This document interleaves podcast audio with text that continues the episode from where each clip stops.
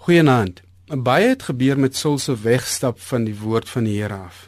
Aanvanklik was hy een wat selfs as een van die profete gereken was.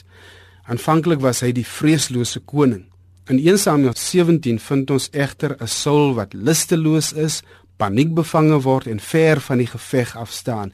Desondanks dat hy voor sy oë een van sy grootste uitdagings sien staan toe die baasvegter Goliat, die Filistyn, voor Saul staan en die hele Israel uitdaag om hulle slawe te maak, lees ons Saul en die hele Israel het geskrik en baie bang geword.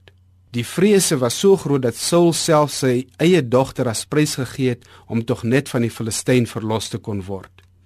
Dis ook maar wat gebeur met enige iemand wat al hoe verder van die Here af weg beweeg en vir wie God se verbondswoord nie meer betekenis het nie. Jy begin rondgryp na enigiets en alle maniere om jou tog net te red. Waar jy voorheen nie bang gewees het nie, skrik jy nou vir alles en vir elke Jan Raap en sy maat, hulle maak jou paniekerig. Jy gaan staan deur ver weg van die geveg af. Jy is nie meer lus om God se eer te verdedig nie. Jy kyk maar net hoe dinge alself uitspeel en jy wag en hoop maar op iemand anders wat die geveg namens jou sal kan kom hanteer. Sommige van ons het deur ons laksheid teenoor ons verhouding met God so ver weg van hom beweeg dat ons sien hoe ons familie disintegreer sonder dat ons 'n vinger verroer. Sommige sien hoe hulle huwelike op die rotse gestrand gaan kom sonder dat hulle hulle mond oopmaak en tot God smeek of tot hom nader.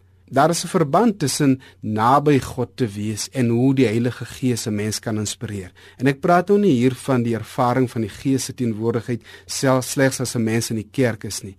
Ek praat van hoe die Gees jou kan besiel, aanspoor en jou kan dra wanneer jy naby God lewe en wanneer sy woord jou leiding is. Wanneer jy so naby God lewe en in sy wil beweeg, dan is die Gees van God oral met jou. Dis soos die Christus gesê het, dan hoef jy nie bo jouself boeglang te skrik vir uitdagende situasies nie. Die Gees sal jou lei en jou die regte woorde in jou mond lê, die regte optrede in jou gestel plaas. Maar as jy ver van God en van sy woord af lewe, hoe kan die Gees van God jou dan bystaan? Dan word jy so Saul en sy manskappe bang en verslaane.